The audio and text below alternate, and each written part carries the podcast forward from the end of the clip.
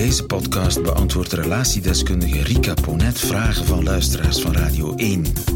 Vragen over familiale kwesties, relationele knopen, kapseizende huwelijken en krakende vriendschappen. Vraag het aan Rika.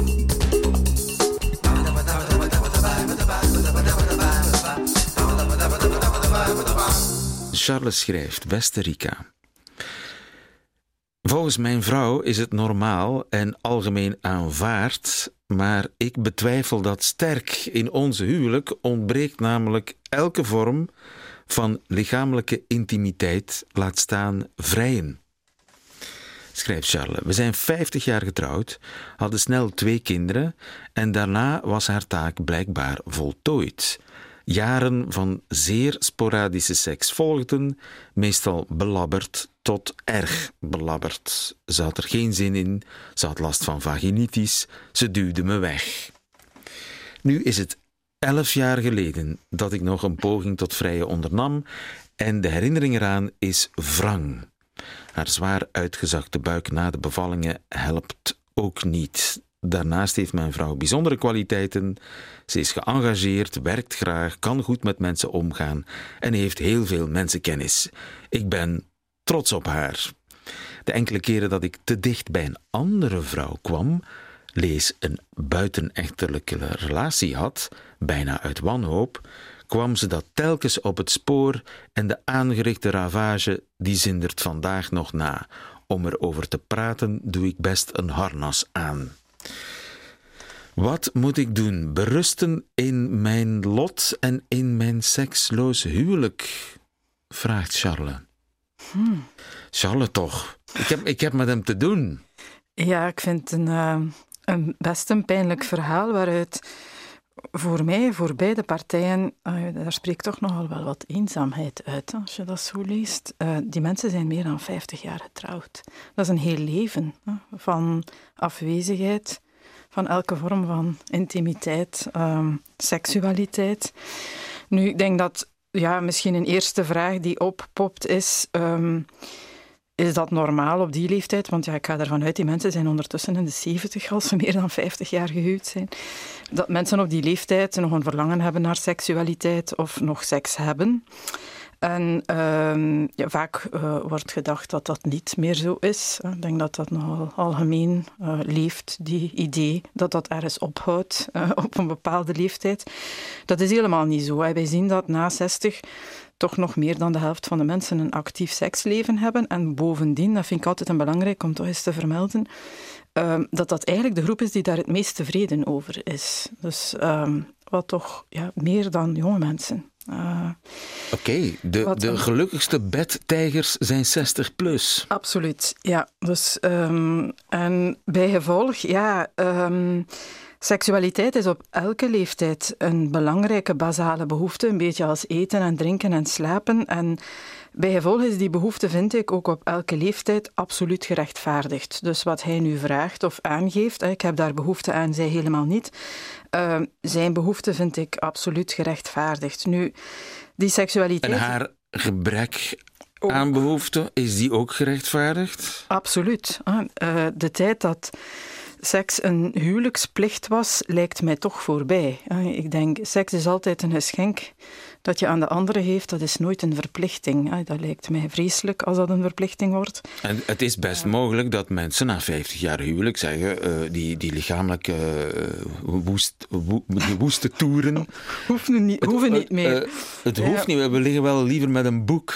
In bed. In bed. Dat, ja. dat is perfect oké. Okay. Ja, en ik ken echt wel stellen uh, die, dat daar, um, uh, die zich daar heel goed in vinden. Hè, die daar allebei best uh, tevreden mee zijn en waar dat langzaam uitgedoofd is. En men soms ook apart slaapt omdat men dat aangenamer vindt.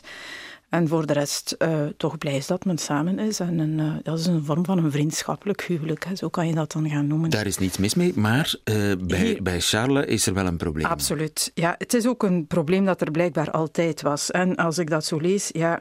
Na de bevalling, bedoel, dan... Ja. ja. Het is een, een, een klassieker. Hè. Tot op vandaag, ik zie ook stellen die in de dertig zijn, koppels die op dat moment ook al aangeven, ja, seksueel gaat dat niet meer sinds de kinderen er zijn, of gaat dat veel minder?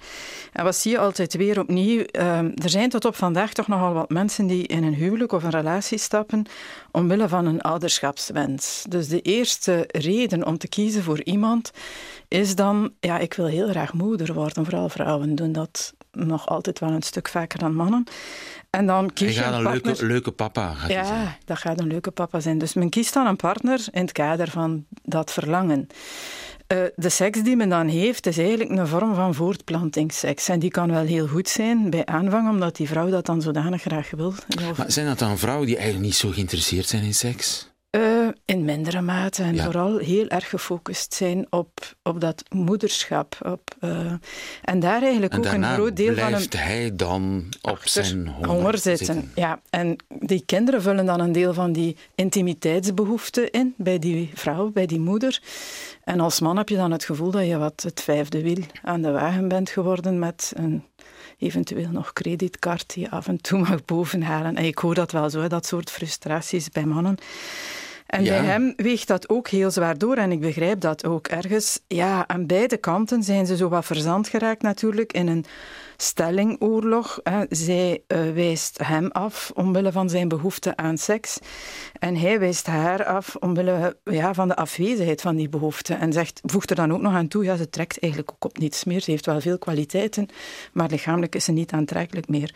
Dus um, beiden wijzen elkaar eigenlijk af in, in liefdeswaardig zijn. En um, ja, dat lijkt mij heel uh, pijnlijk om daarin te verzanden en ook moeilijk om daar nadien nog um, uit te geraken, zeker na elf jaar.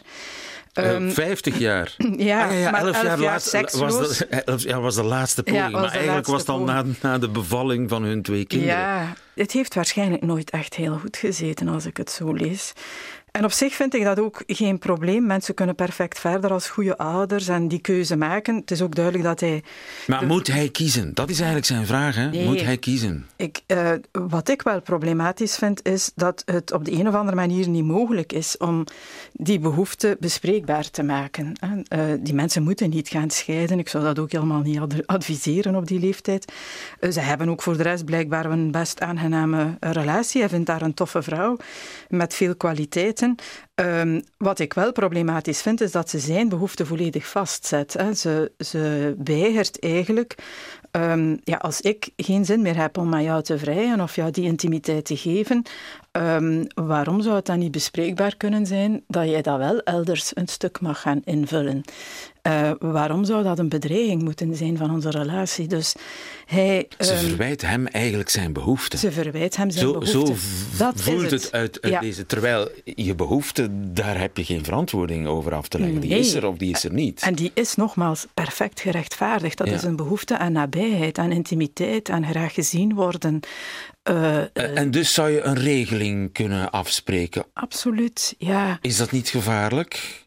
Zij, ja. zal, zij zal dat zeer bedreigend en gevaarlijk vinden, want voor, de, voor hetzelfde geld botst hij op iemand waar hij stapelzot van wordt. Ja, en het is ook duidelijk dat dat voor haar heel bedreigend overkomt, want het spoor heeft voorheen, hè, hij heeft ja. het al eens geprobeerd, een absolute ravage aangericht. Maar hij heeft het stiekem gedaan. Ja, en dat is um, natuurlijk niet altijd de beste klopt. oplossing. Ja, en ja, dan wordt het dubbel bedreigend, want dan weet je eigenlijk ook niet waar de andere mee bezig is.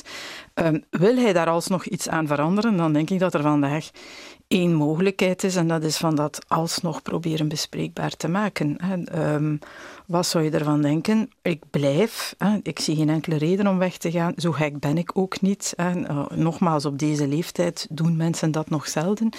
Maar waarom zou ik dat inderdaad niet een deel of voor een deel elders kunnen of mogen uh, ingevuld krijgen? Dat kan op voorwaarde dat alles in, in helderheid en transparantie. Ja, en dat blijft natuurlijk een moeilijke oefening. Hè. Je hoort mij dan niet zeggen dat dat uh, bedreigend overkomt, dat dat uh, voor velen bijna ondenkbaar is van dat gesprek te voeren. Maar ja, als je, als je dit dan hoort, dan uh, ja, daar zit zoveel pijn en lijden in, dat ik denk met welk recht uh, ja, reduceren wij de anderen eigenlijk tot ons bezit en met welk recht uh, verbieden wij eigenlijk de ander een heel groot deel van zijn zijn uh, te beleven of ingevuld te krijgen. Um, En hij kan van haar niet eisen dat ze met hem intimiteit beleeft, maar zij kan van hem ook niet eisen dat hij, of dat hij zijn behoefte aan intimiteit helemaal opzij schuift. Heeft u zelf een vraag voor Rika Ponet? Stuur ze dan naar nieuwefeiten.radio1.be. En wie weet hoort u het antwoord in een volgende podcast. Namen worden sowieso veranderd.